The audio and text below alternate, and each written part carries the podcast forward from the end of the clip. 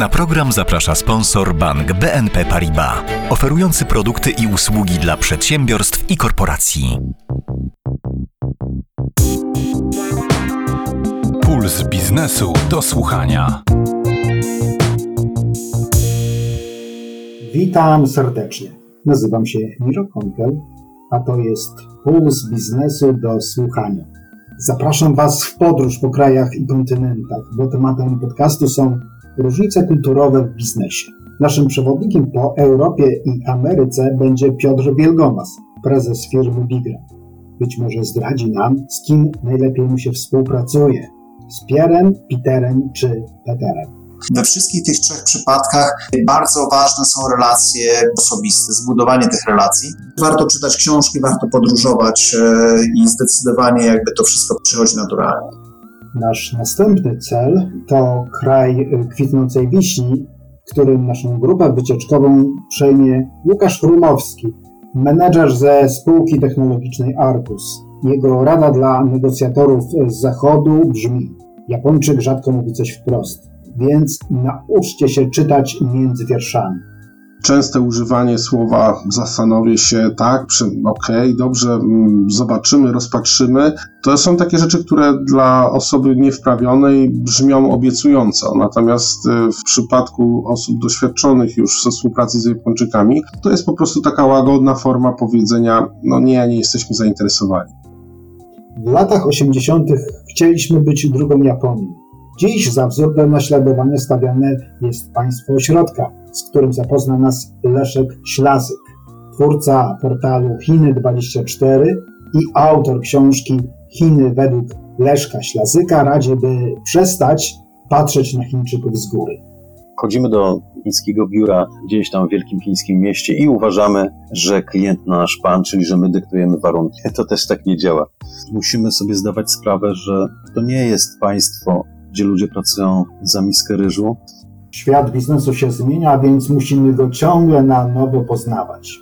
Proszę Państwa, zapinamy pasy i ruszamy. Puls biznesu do słuchania. Niemieccy przedsiębiorcy są do bólu konserwatywni. Francuskich kontrahentów lepiej zaprosić na obiad niż obdarować prezentem amerykańskich bossów z kolei cechuje duch współzawodnictwa rzadko spotykany w Polsce. A może są to tylko stereotypy, nie mające nic wspólnego z rzeczywistością? O tym porozmawiam z pierwszym naszym gościem. Piotr Wielgomas, prezes firmy doradztwa personalnego Bigram, służbowo i biznesowo jeździ po całym świecie. Nic dziwnego, że to jego zapytam o różnice kulturowe między Europą a USA.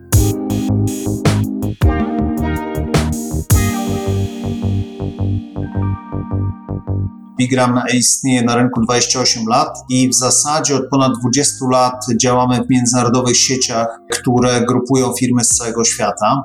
Jedną z nich jest sieć IIC Partners, to jest sieć firm Executive Search z kilkudziesięciu krajów i drugą e, sieć Career Star Group, to jest również sieć międzynarodowych firm doradztwa zawodowego. W związku z tym wielokrotnie w ciągu roku jestem na spotkaniach, konferencjach na całym świecie. Cały zeszły tydzień spędziłem na przykład w Paryżu, także rzeczywiście mam tych kontaktów bardzo dużo. Posługuję się językiem angielskim i również językiem francuskim, co ułatwia te bezpośrednie kontakty. Teraz jest już Pan starym wyjadaczem, jeśli chodzi o kontakty międzynarodowe, ale 28 lat temu te sprawy były dla Pana pierwszyzną. Jakie bariery w samym sobie musiał Pan pokonać, aby nadawać na tych samych falach z kontrahentami międzynarodowymi? Pierwszym wyznacznikiem to była różnica w sile gospodarczej między Polską a tymi krajami, która teraz przez te wszystkie lata została już bardzo zniwelowana, ale rzeczywiście koniec lat 90. te różnice były bardzo widoczne, więc to jakby było sporym ograniczeniem, zarówno budżetowym, jeśli chodzi o możliwość bywania w dobrych restauracjach, czy mieszkania w dobrych hotelach, czy prezentowania się we właściwych garniturach, mówiąc bardzo kolokwialnie, bo oczywiście to są też elementy, które są oceniane jak również język. Znajomość języka angielski jest rzeczą dość oczywistą, szczególnie w kontaktach z anglosasami, Amerykanami czy Anglikami, ale Francuzi na przykład bardzo cenią osoby, które znają chociaż w komunikatywnym stopniu język francuski i, i cenią ich kulturę, tak? Więc jakby to bardzo pomaga w tych relacjach. Najlepiej uczyć się przez doświadczenia, także liczba popełnianych gaf i różnych wyzwań związanych kiedyś z pierwszym radzeniem sobie z jedzeniem, nie wiem, ślimaków, homarów. To są wszystkie doświadczenia, które oczywiście później stają się anegdotami, ale oczywiście warto się przygotować do spotkań, szczególnie jeżeli to będą takie relacje, które będziemy chcieli zbudować w sposób bardziej trwały. Warto poznać swoich partnerów, coś więcej się o nich dowiedzieć. Nie wystarczy znajomość specyfiki danego kraju czy międzynarodowej firmy. Powinniśmy też znać zagranicznych menedżerów, kontrahentów lub inwestorów, z którymi będziemy rozmawiać. Czy tak? Tak, jeżeli mówimy o Amerykanach, czy Brytyjczykach, czy Francuzach, we wszystkich tych trzech przypadkach bardzo ważne są relacje osobiste, zbudowanie tych relacji. Jeżeli chcemy z przedstawicielami firm z tych krajów budować takie długotrwałe relacje, współpracować, to warto, żeby to zaufanie było zbudowane. To zaufanie buduje się zresztą podobnie jak w Polsce. Trzeba bliżej poznać tą osobę, dobrze wiedzieć coś więcej na temat jej rodziny, nie wiem, podróży, hobby, tego, co lubi, żeby tak naprawdę można było do tego w rozmowie czy w jakichś e, tam sytuacjach nawiązać. Oczywiście są tematy drażliwe, których zdecydowanie bym unikał, na przykład we Francji ewidentnie religia, czy często polityka, to są tematy drażliwe, gdzie zaprezentowanie swoich poglądów takich czarno-białych może nie być dobrze widziane, albo możemy trafić na kogoś, kto ma zupełnie inne i niepotrzebnie jakby na tym się będziemy skupiali. Gafy, pomyłki, wpadki w międzynarodowej komunikacji to norma. Czy i panu zdarzyła się taka niefortunna sytuacja? Operuję dobrze językiem angielskim, znacznie słabiej francuskim. Kiedyś przeszedłem z Francuzami na francuski. Okazało się, że oni doszli do wniosku, że ten mój francuski jest dobry i zaczęli ze mną rozmawiać e, również między sobą bardzo szybko, co spowodowało, że wróciłem na angielski, więc to było dla mnie krępujące, dlatego że okazało się, że przeceniłem swoje siły, ponieważ rzeczywiście ten język biznesowy jest językiem szybkim, konkretnym. A jakie błędy dotyczące dress code'u najczęściej popełniamy za granicą? W kontaktach z Amerykanami z jednej strony, jeżeli się poznajemy te kontakty są e, formalne, to oczywiście obowiązują garnitury, a później bardzo szybko ten sam kontrahent może się pojawić w jeansach, bluzie dresowej, w t-shircie, co też było dla mnie dosyć szokujące, bo ja dalej przybywałem na spotkania w garniturze. To były też takie elementy, których dzisiaj się śmieję oczywiście i uważam je za normalne, ale często dzisiaj firmy z Doliny Krzemowej, kiedy byłem w Kalifornii, to e, tam najwyższego szczebla menadżerowie na co dzień chodzą w jeansach i t-shirtach i trampkach. I bardzo trudno odróżnić tak naprawdę osobę ważną według tych naszych europejskich hierarchii. Zazwyczaj prezes jest w garniturze, w krawacie, być może teraz już od lat się krawatów nie nosi, ale widać jakby on się trochę wyróżnia. W Stanach możemy popełnić sporo błędów, myląc prezesa z kurierem. Myślę, że Niemcy mają jeszcze większy problem pod tym względem, bo ich dress code biznesowy to tylko i wyłącznie garnitur, krawat. Tak, no Niemcy są bardzo formalni, to prawda, e, łącznie z tym, że bardzo dużą wagę przywiązują do tytułów. Tam bardzo często mówi się herr doktor, jeżeli ktoś ma tytuł doktora, to jest jakby dla nich e, znaczące. Tam ta hierarchia ma bardzo duże znaczenie. Jak na przykład porównamy to z Amerykanami, dla których hierarchia, płeć czy wiek nie mają takiego znaczenia, oni wszystkich traktują równo jakby nie widzą tutaj żadnej potrzeby jakby zmiany podejścia, kiedy w Europie w oczywisty sposób y, inaczej traktuje się osoby, nie wiem, starsze, czy kobiety, też mówimy o takich rzeczach typu kurtuazyjnego. Nie mówię o lepszym czy gorszym traktowaniu, ale widzę, że na przykład w Stanach przepuszczanie kobiet w drzwiach, czy też wybieranie, że najpierw się witamy z kobietami czy z mężczyznami jest absolutnie niezrozumiałe i lepiej jakby nie iść w tą stronę. Profesor Lew Starowicz mówił, że gdy jest w Stanach Zjednoczonych, to nie wsiada nawet do windy, gdy widzi tylko jedną kobietę bo tutaj mówimy o tak zwanym podejrzeniu sexual harassment, czyli jakiegoś molestowania seksualnego. Stanów trzeba się nauczyć. Tam liczy się y, no, rzeczywiście szybkość działania, kompetencja. Pamiętajmy też, że jest to kraj wieloetniczny, więc y, warto tak naprawdę wiedzieć, z kim rozmawiamy, z kim mamy kontakty, bo inaczej y, zachowują się osoby, które wywodzą się tak naprawdę z Azji, a są Amerykanami, inaczej osoby z Ameryki Łacińskiej czy Europejczycy. Bardzo często może to mieć znaczenie, ale oczywiście jeżeli mówimy o tak zwanych WOSPAS, czy o White Anglo-Saxon Protestant, takich Amerykanach, tym sednie jakby tego biznesu amerykańskiego, to rzeczywiście oni są co do zasady, jeżeli zbudują relacje, bardzo swobodni, ale z drugiej strony w negocjacjach oni też narzucają czasem swój styl. Pamiętajmy, że tam jest taka kultura indywidualizmu i rywalizacji. To jest też taka codzienność amerykańska i oni są do tego przyzwyczajeni, tak? Więc e, o ile we Francji często decyzje są podejmowane w grupie, to w Stanach jakby jest rzeczywiście inaczej. Trzeba tam y, pamiętać o tym równym traktowaniu wszystkich, ale z drugiej strony, żeby dbać o swoje interesy, warto być asertywnym, klarownie też prezentować swój punkt widzenia. Oni sobie bardzo cenią konkret. Amerykanie chcą, żeby spotkanie było konkretne, skończyło się konkretnymi ustaleniami, ceni się punktualność y, i responsywność, tak? Czyli jeżeli się na coś umawiamy, to reagujemy szybko w mailach. Francuzi z kolei mogą się spóźnić na spotkanie kilka, kilkanaście minut, nie widzą w tym żadnego problemu. Na decyzję może się czeka też znacznie dłużej, ale później już biznes dzieje się szybko. Z jakimi nacjami najbardziej lubi Pan współpracować? To są mm, trudne pytania, bo lubię ze wszystkimi, a paradoks jeszcze współpracy z korporacjami, z czym my mamy do czynienia w Bigram od lat, jest taki, że pracujemy z firmą francuską, w której pracuje Szwajcar, a jego przełożonym jest Anglik. Spotykamy również na wielu stanowiskach e, kluczowych Polaków w różnych korporacjach. Jeżeli to jest typowa francuska firma na przykład, e, w jakiś sposób ta kultura francuska znajduje odzwierciedlenie w jej DNA, ale bardzo często te firmy zabiegają o to, żeby to była taka kultura otwarta, międzynarodowa. Z Amerykanami dobrze mi się pracuje też w tym sensie, że oni bardzo szybko działają, chcą szybko podejmować decyzje. To jest taki trochę kowbojski styl. Też oczywiście chcą robić dobre deale dla siebie, czyli to też jakby trzeba pilnować własnych granic negocjacyjnych czy interesów. Z Francuzami na przykład buduje się relacje wolniej, ale te relacje są później głębsze. Oni rzeczywiście jakby sporą wagę przywiązują na przykład do tradycji. Co jest ciekawe, często jeżeli widzą, że interesuje się kulturą francuską, zna ich język, to jakby cieplej do niego podchodzą. Oni są bardzo francuskocentryczni,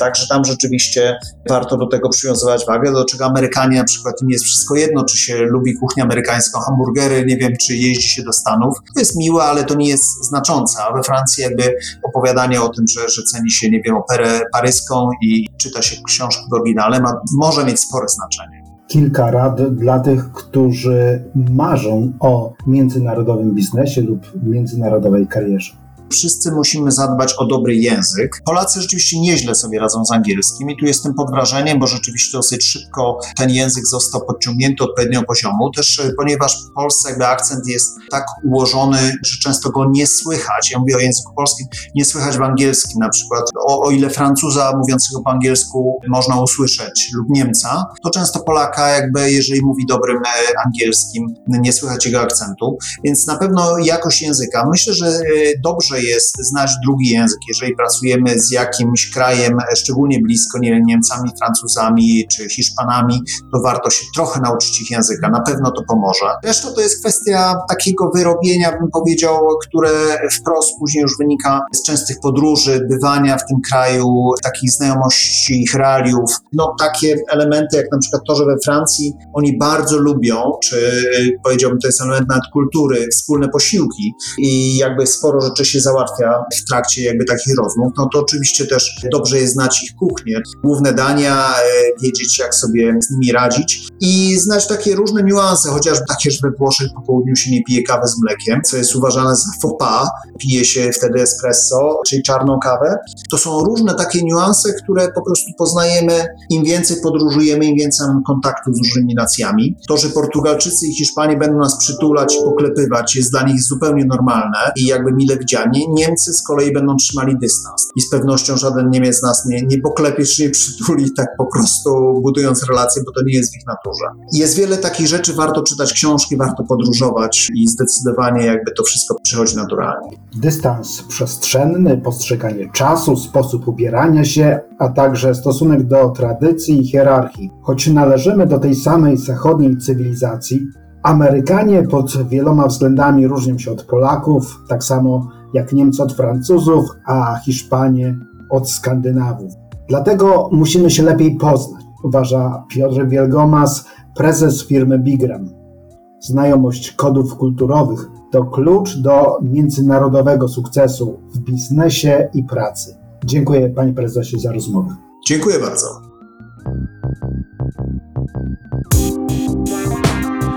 Puls biznesu do słuchania. Była Europa, była Ameryka, teraz przenosimy się do Azji, konkretnie do kraju kwitnącej wiśni.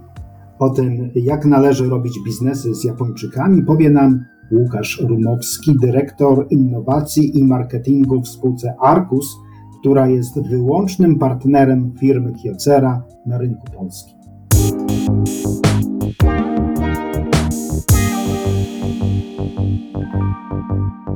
Już od ponad 25 lat. Jesteśmy partnerem Kyocera Document Solutions, tej części koncernu Kyocera, która odpowiada za produkcję urządzeń do przetwarzania dokumentu, do kopiowania, drukowania, skanowania. Jesteśmy przedstawicielem tego koncernu w Polsce wyłącznym. Na początku to były same drukarki, potem poszliśmy dalej w kierunku kopiarek, a dzisiaj tak naprawdę dostarczamy zintegrowane systemy rozwiązań z zakresu software'owo-hardware'owego do obiegu dokumentu. Co było dla Pana największym szokiem kulturowym w związku z robieniem interesu w kraju kwitnącej wiśni? W naszej części Europy, a już w szczególności w Stanach Zjednoczonych, obie strony dążą do tego, aby jak najszybciej dobić targu. Tutaj w przypadku Japończyków oni dążą do tego, aby bardzo dokładnie i w tempie dla siebie wygodnym przeanalizować sytuację i dopiero wtedy podjąć decyzję. Ta opieszałość może być ochroną przed popełnieniem negocjacyjnego błędu. My błędnie odczytujemy, że oni się nad czymś zastanawiają, a tak naprawdę nie chcą powiedzieć tak, bo są nieprzekonani, ale też nie chcą powiedzieć nie. To jest taka kolejna zasada, która wychodzi w relacjach z Japończykami. Oni generalnie nigdy nie mówią nie. To też trzeba umieć zrozumieć, że brak nie, wspierany przez częste używanie słowa zastanowię się, tak, okej, okay, dobrze, zobaczymy, rozpatrzymy, to są takie rzeczy, które dla osoby niewprawionej brzmią obiecująco. Natomiast y, w przypadku osób doświadczonych już ze współpracy z Japończykami, to jest po prostu taka łagodna forma powiedzenia: No nie, nie jesteśmy zainteresowani. Japońska kultura jest kolektywistyczna, co podobno ma duży wpływ na czas podejmowania decyzji. Ojej, to jest bardzo trudna sprawa. Oni stosują taki system ringi, tak zwane ringi seido. To jest taki sposób na podejmowanie kolektywnie nawet najprostszej decyzji, co tak naprawdę oznacza, że na przykład jeżeli coś nie jest w jakimś procesie opisane i wymaga jakiejś aprobaty, to tak naprawdę od tej pierwszej osoby zgłaszającej poprzez wszystkich kolejnych przełożonych w różnych tam aspektach finansowych, HR-owych, innych i tak dalej, aż do samego prezesa, to ktoś musi zobaczyć to i zaakceptować. I to nie ma znaczenia, czy to chodzi o wyjście z klientem i zapłacenie 200 euro za kolację, czy to chodzi o sprawę za milion czy dwa miliony. To jest bardzo, bardzo trudne do zrozumienia ze strony europejskiej. Z zachodniego punktu widzenia to ogromne marnotrawstwo czasu. A czym my, Europejczycy, możemy zrazić do siebie japońskich ludzi biznesu? Na pewno nie można zwracać się po imieniu. Jest taka zasada, która mówi o tym, że należy zawsze używać przedrostka pan, pani, ale nie w takim znaczeniu polskim czy angielskim w stylu mister czy pan, tylko u nich do nazwiska dodaje się taką frazę san. Jeżeli ktoś ma na nazwisko Ito, to wtedy mówiąc do niego zawsze powiem Ito-san, albo jak ktoś ma nazwisko Takada, to powiem wtedy Takada-san. To san jest tak jakby automatyczne na końcu każdego nazwiska, ale to pokazuje szacunek dla, dla tej drugiej osoby. Czasami są Japończycy, którzy mają tak trudne do wymówienia nazwisko lub imię, że sami sobie wymyślają odpowiednik europejsko-angielski. Na przykład mamy takich Japończyków, z którymi rozmawiamy i oni przyjęli sobie takie dodatkowe imię Jeden to jest Cody, a drugi to jest na przykład Antoni. No i mówimy do nich wtedy Cody-san i Antoni-san,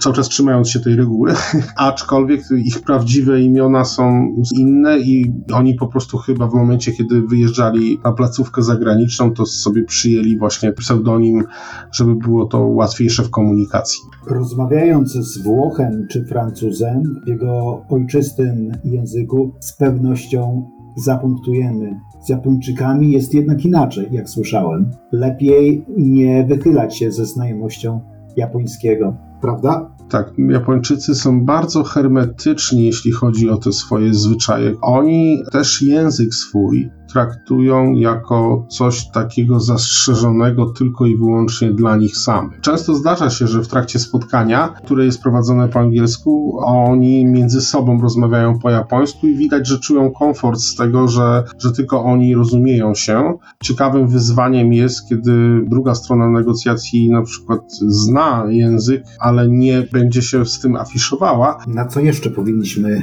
uważać w trakcie negocjacji biznesowych i handlowych z Japończykami? Oni bardzo dosłownie analizują też słowa, które padają, więc tutaj trzeba uważać z jakimiś komentarzami, jakieś, nie wiem, sarkazmy, tego typu rzeczy, które są dość popularne w takiej zachodniej kulturze, no to tutaj trzeba bardzo być ostrożnym. Jest coś, czym możemy zaskarbić sobie zaufanie Japończyków? Podczas y, rozmów z Japończykami warto jest pytać e, swoich partnerów e, o ich rodzinę. To jest zawsze bardzo mile widziane. Jakaś historia kraju, ale także taka nie wiem, japońska gościnność i tradycja. Tutaj rozmowy na ten temat bardzo fajnie otwierają spotkania. Domyślam się, że wchodzenie w sferę prywatną Japończyka też ma swoje granice. Są tematy, których poruszać nie wypada i nie wolno. Nie możemy zadawać bardzo osobistych pytań dotyczących pensji, wykształcenia, czy też bardzo osobistych spraw rodzinnych. To jest bardzo źle widziane. Wystarczy, że będziemy zaciekawieni historią narodu japońskiego, ich zwyczajami, to to już w mojej ocenie otwiera naprawdę bardzo fajne pole do prowadzenia negocjacji. Czyli nieformalna, osobista, prywatna rozmowa, tak, ale bez przesady. Dość niezręcznie może poczuć się Japończyk w momencie, kiedy go tak tradycyjnie po polsku przywitamy, potrząsając rękę. Wielu Japończyków generalnie bardzo rzadko podaje rękę na powitanie. Raczej tutaj jest ukłon, którym wyrażają szacunek. Osoby, które na przykład mają taką tendencję, że dość silnie łapią za rękę i ściskają, potrząsają, to coś takiego może na przykład wywołać taką reakcję, że ten Japończyk nie będzie się chciał z taką osobą ponownie spotkać. Kolejne pole minowe to japońska kultura wizytówkowa. Wizytówki to jest y, zupełnie inna historia. Tutaj to najpierw musimy zaopatrzyć się w bardzo elegancki wizytownik. Przynajmniej miejmy ze sobą zapas większy niż normalnie przez miesiąc rozdajemy na takie dwudniowe spotkanie w Japonii, bo tam ta wizytówka to jest taki właśnie element pewnej obowiązkowej procedury. Ta wizytówka musi trafić dla każdego, kogo tak naprawdę spotkamy, nawet w przelocie, czy zamienimy chociaż jedno zdanie. Do tego najlepiej wziąć sobie jeszcze z 20 takich na zapas. Będziemy oceniani jako jacyś nieprofesjonalni, źle przygotowani, kiedy się okaże, że na 30 napotkanej osobie nie będziemy w stanie podać wizytówki, tłumacząc się, że już nam się skończyły. Liczy się również sposób, w jaki my przyjmujemy wizytówkę od e, japońskiego menedżera, prawda? No i co najważniejsze, ta wizytówka sama w sobie to jest taka laurka o nim samym, więc bieramy ją obiema rękami. Wypadałoby też pochylić się nad nią, przestudiować, przeczytać, ocenić to na przykład, że jest w języku zarówno japońskim, jak i na przykład alfabecie łacińskim, no jeśli taka jest, bo być może na przykład dostaniemy od razu tylko i wyłącznie angielską, ale jeżeli coś takiego jest, to trzeba to docenić, musimy chwilę poczekać, zobaczyć, warto zauważyć jakąś może funkcję na przykład, czy nazwę firmy i podkreślić to od razu wtedy w rozmowie, tak jakby potwierdzając, że o, to ty jesteś z Tokio, o dobrze, no to jesteś general managerem i tak dalej. Teraz co dalej, bo to jest niesamowicie istotne. Nie możemy się w żaden sposób bawić taką wizytówką, żadnych notatek, broń Boże. No troszeczkę traktujemy ją jak, jak taką relikwię, tak? Możemy ją położyć na stole, możemy ją schować, ale jak chowamy, to też tutaj jest niesamowicie ważna sprawa. Bardzo często w momencie, kiedy tutaj w Europie, kiedy wymienimy się wizytówkami, chowamy te wizytówki, to następnie tak po prostu wiemy, że już, już to jest ta część e, spotkania, która została zakończona i w tym momencie chowamy to do kieszeni. No i nie daj Boże, to będzie tylna kieszeń w spodniach, no to rozmówca może się poczuć nawet urażony, zlekceważony. Wchodzi w grę tylko i wyłącznie wewnętrzna kieszeń w marynarce i to też w takim geście, jakbyśmy chowali jakąś relikwię. I to też na koniec spotkania. Czy z powodu nieznajomości specyfiki japońskiej przydarzyła się panu jakaś wpadka, Tutaj mogę przytoczyć taką anegdotę. Pierwszy raz byłem w Japonii i w restauracji zapłaciliśmy za posiłek e, i zostawiliśmy po prostu jakiś, wcale nie jakiś duży, ale może w granicach 10% napiwek. Pani kelnerka zabrała to i my wtedy szybko wyszliśmy.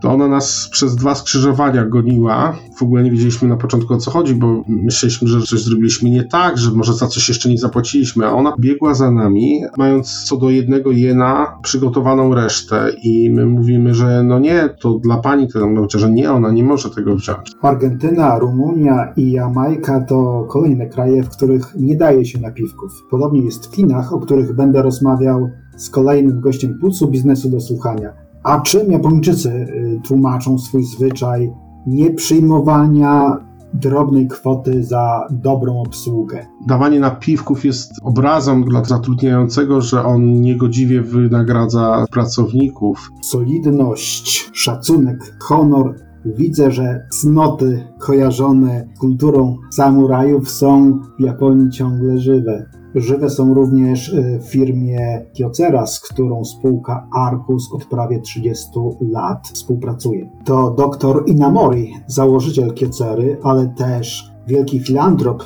japoński, natknął swój koncern iście samurajską duchowością, prawda? Tak, spodobała nam się filozofia tej firmy, którą firmował dr Kazuo Inamori. Respect divine and love people, co oznacza szanuj świętości i kochaj ludzi. Jeśli te zasady szacunku i szanowania świętości zostaną zachowane, to ten biznes sam przyjdzie. Trudno o lepszą puentę dla naszej rozmowy o Japonii. W specyfikę kraju kwitnącej wiśni wprowadził nas Łukasz Rumowski, dyrektor działu innowacji i marketingu w firmie Arcus. Dziękuję panie dyrektorze. Dziękuję bardzo za rozmowę.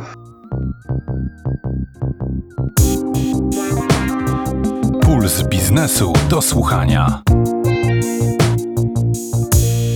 Cóż tam panie w polityce? Chińczyki trzymają się mocno. Tym cytatem z Wesela Wyspiańskiego rozpoczynam ostatnią dzisiejszą rozmowę, a jej temat to odmienność kultury biznesowej w państwie środka. W naszym pulsowym studiu jest już Leszek Ślasyk, przedsiębiorca robiący od prawie 30 lat interesy w Chinach i redaktor naczelny portalu Chiny24.com.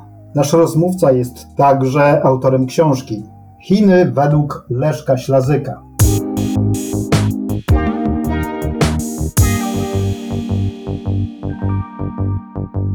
Jak zaczynałem swoją przygodę z Chinami, to ta przygoda była o tyle łatwa, że Chińczycy akceptowali wszystko, każde zachowanie, każdy sposób funkcjonowania potencjalnego klienta, bo wtedy y, najważniejszą sprawą była kwestia podpisania kontraktu dolarowego.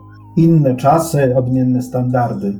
To był dziki wschód, także cokolwiek ktokolwiek by nie zrobił, a płacił za towary, było mu odpuszczane.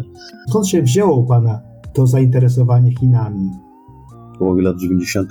otrzymałem propozycję pracy dla firmy, która sprowadzała towary z Chin. Wówczas firma się nazywała Mistral, a do dziś znana jest jako LPPSA. Zawsze to było na chwilę, no i tak zostało właśnie niemalże 30 lat. Te Chiny się do mnie mocno przyczepiły. Pierwotnie to było działanie stricte służbowe, a dziś bardziej się zajmuję Chinami od strony politologicznej, socjologicznej niż, niż biznesowej. Wyobraźmy sobie, że mam tylko 3 minuty, by się przygotować na pierwsze moje w życiu spotkanie biznesowe z Chińczykami. Co by mi pan doradził?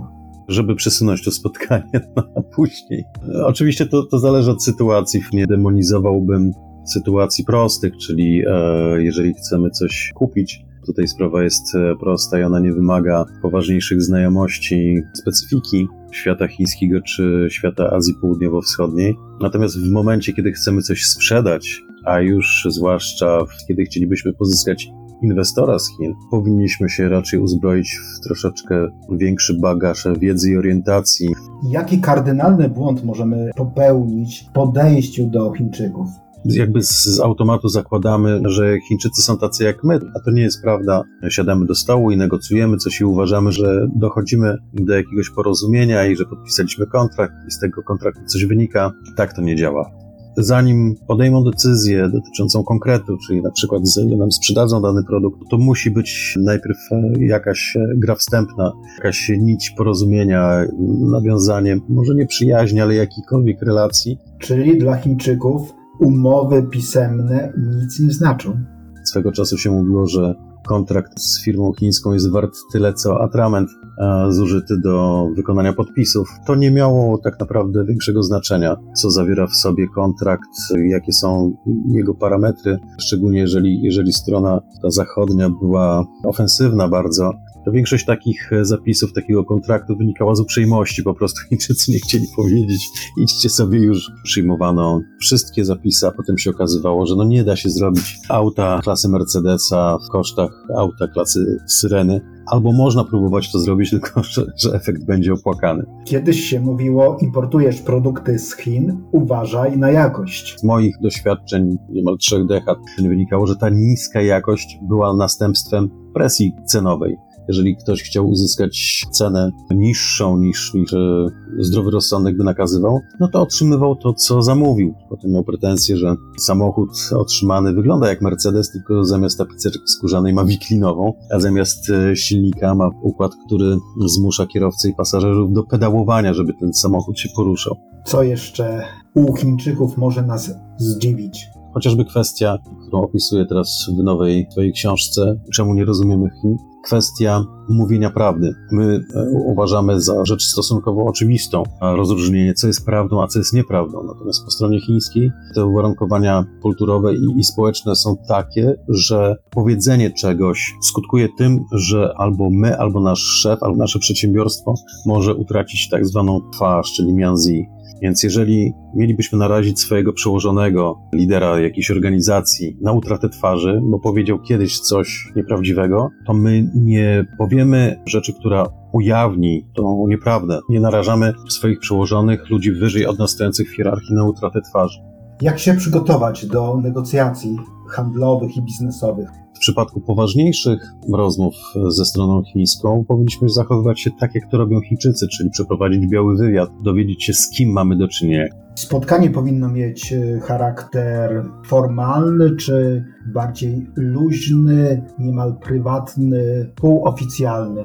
Chińczycy, szczególnie ci starsi, bardzo lubią pójść do restauracji, usiąść, porozmawiać, wymienić się informacjami na temat spraw codziennych, zwykłych i potem przejść do spraw poważniejszych. I bardzo często przy tym stole restauracyjnym załatwia się o wiele więcej niż przy stole negocjacyjnym gdzieś tam w firmie. A jak najłatwiej zrazić do siebie chińskich menedżerów i przedsiębiorców? Co może zniweczyć rozmowy? Jeżeli jesteśmy zupełnie nieznanym podmiotem, z zupełnie nieznanymi osobami, wchodzimy do chińskiego biura gdzieś tam w wielkim chińskim mieście i uważamy, że klient nasz pan, czyli że my dyktujemy warunki. To też tak nie działa. Z pana poprzedniej książki, Chiny według Leszka Ślazyka, dowiedziałem się, że negocjacje po chińsku to pan Han, gdzie pan oznacza rozmawiać, a Han oceniać.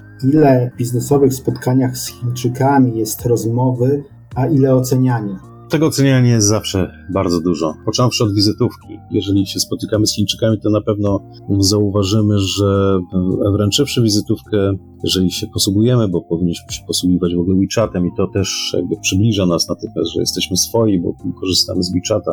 WeChat zastępuje wizytówkę. Proszę wytłumaczyć naszym słuchaczom, czym jest ów WeChat. WeChat to jest super aplikacja, która jest połączeniem e, naszych komunikatorów, e, narzędziem do realizowania płatności, naprawdę narzędziem wielozadaniowym. WeChat ma taką piękną funkcję, która nie rozumiem, dlaczego się nie przyjęła w Europie, gdzie każdy sobie generuje swój własny kod QR i w momencie, kiedy się spotykamy z obcą, zupełnie nam osobą, skanujemy sobie nawzajem te kody QR, jesteśmy już znajomym To bardzo pomaga łamać te bariery hierarchiczne, czyli spotykamy się z bardzo ważną osobą, nawet całkiem przypadkiem i nie ma w tym nic e, niestosownego, żeby poprosić o wymianę tymi kontaktami WeChatowymi i mamy dostęp natychmiast bezpośredni do osoby, na której nam zależy.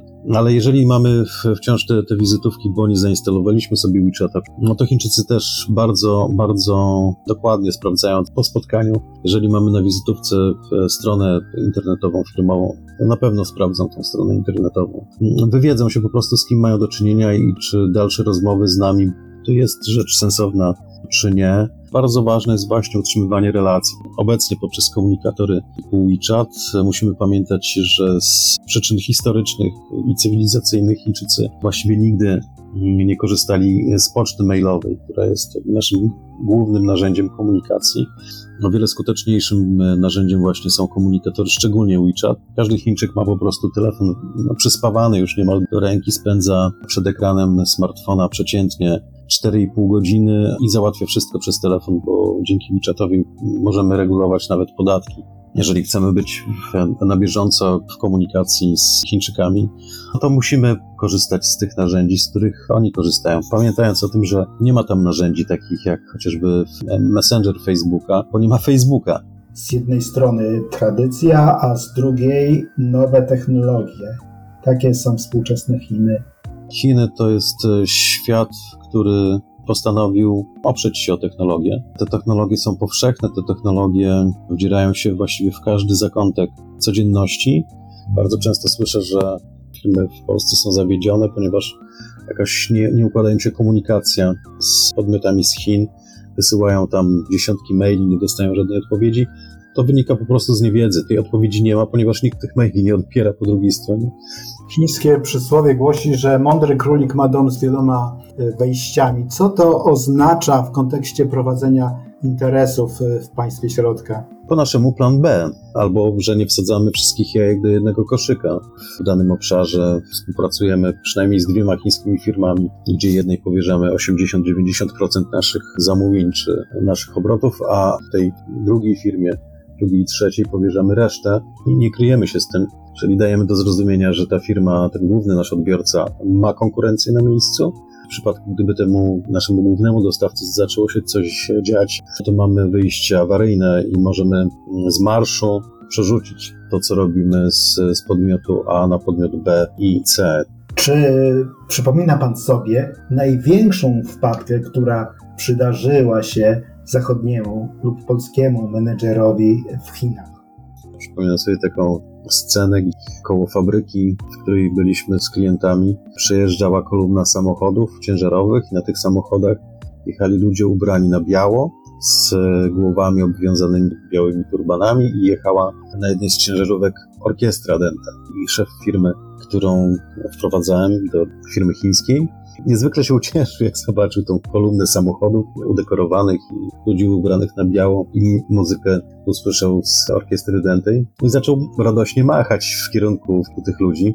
Dopiero po parunastu sekundach udało mi się go uspokoić i wyjaśnić, że to pogrzeb. To nie było wesele, to nie była rzecz radosna, tylko to był pogrzeb w Chinach. Kolorem żałoby jest kolor biały. Czyni się dużo hałasu wokół pogrzebu, bo odstrasza się złe moce.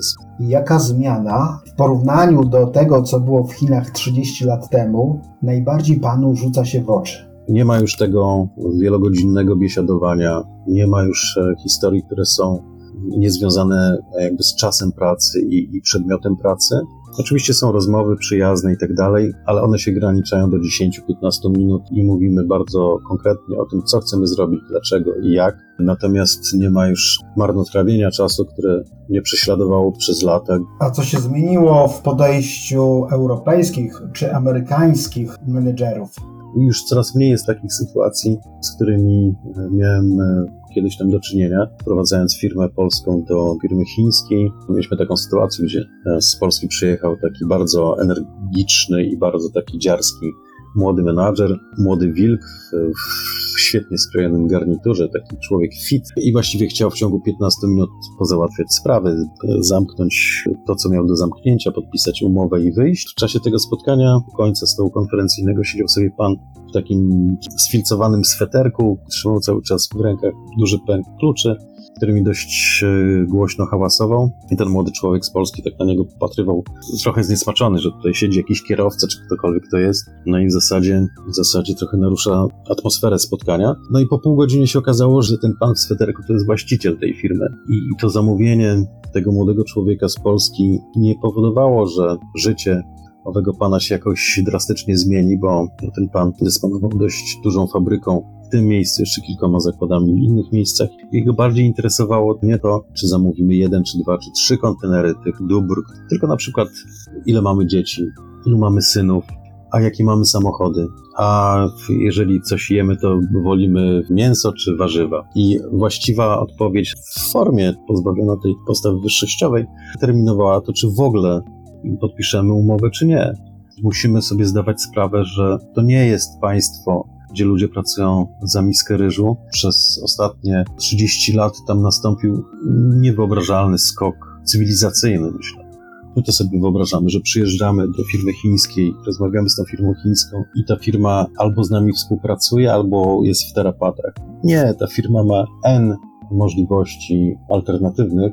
Nie, niekoniecznie ten model, który się sprawdzał jeszcze, jeszcze kilka lat temu, czyli że stosujemy dużą presję na cenę, wyciskamy z dostawcy chińskiego jak najlepszą jakość, że to w jakikolwiek sposób jeszcze zadziała.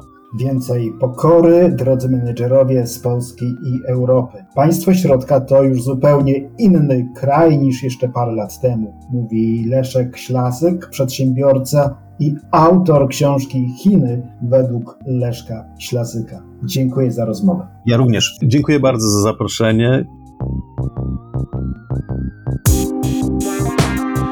Puls biznesu do słuchania. Jako biznesowi nomadzi w MIG odnajdziemy się w każdej kulturze. Czy rzeczywiście? No nie.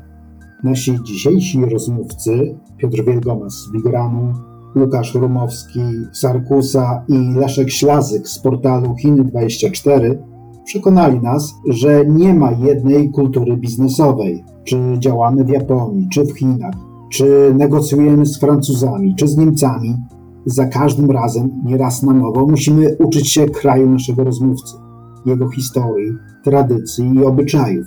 I co nawet ważniejsze, pod żadnym pozorem nie możemy czuć się lepsi od innych nacji. Gorsi też nie. To już wszystko na dzisiaj. Żegnam się z Państwem i zapraszam na Puls Biznesu do słuchania za tydzień. Puls biznesu do słuchania. Na program zapraszał sponsor bank BNP Paribas, oferujący produkty i usługi dla przedsiębiorstw i korporacji.